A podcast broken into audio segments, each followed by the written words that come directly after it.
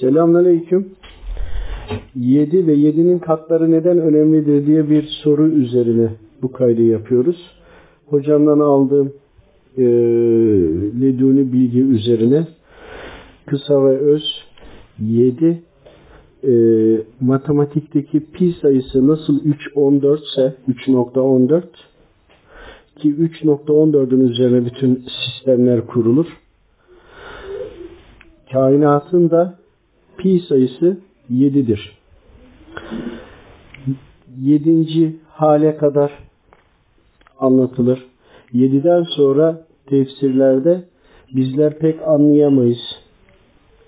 Dolayısıyla 7 temel noktadır. Doğrusunu Rabbim bilir. Bir de istediğiniz büyüklükte isterseniz bir bina boyu kadar bir kağıt alın. Ortadan ikiye katlayarak en fazla yediye katlarsınız. Sekizi katlayamazsınız. Bunu da değişik materyallerle deneyebilirsiniz. Özellikle kağıtla tam ortadan katlayarak devam edeceksiniz. Dolayısıyla bütün kainatın pi sayısı yani denge sayısı kainattaki çözülebilirliği temel noktası 7'dir. 7 üzerine hareket edilirse çözülebilir. Kısa bir örnekle örneğin ayetel kürsünün manalarını anlamaya çalışır, çalışırsak örneğin 2, 3, 6, 7, 7'den sonrasına mana ve anlam verebilmek leduni bilgi kısmına girer.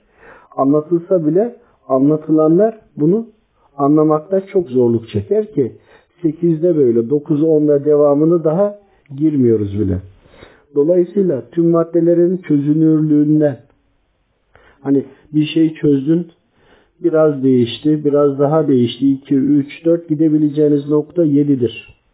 Çok nadiren 8'e çıkar ama bu da çok çok nadirdir, çok ender olan bir olaydır. Dolayısıyla kainatın şifresi ezelden de Rabbim 7 üzerine yaratmıştır. Ebedede kadar da ebediyete kadar da bu şekilde devam edecektir. 7 üzerine anlama üzerine diye düşünün. 7'den sonrasını yani bir kuralda e, bir e, manada 7'den yukarısını sıralı olarak anlamaya çalışırsanız 7'den yukarısına mutlaka ki Rabbimin verdiği özel e, daha diğer kullarına göre üstün özellikler lazımdır ki anlaşılabilsin. Ve her şey 7 üzerinedir. Rabbim doğrusunu bilir. Hayırlı geceler, hayırlı sahurlar.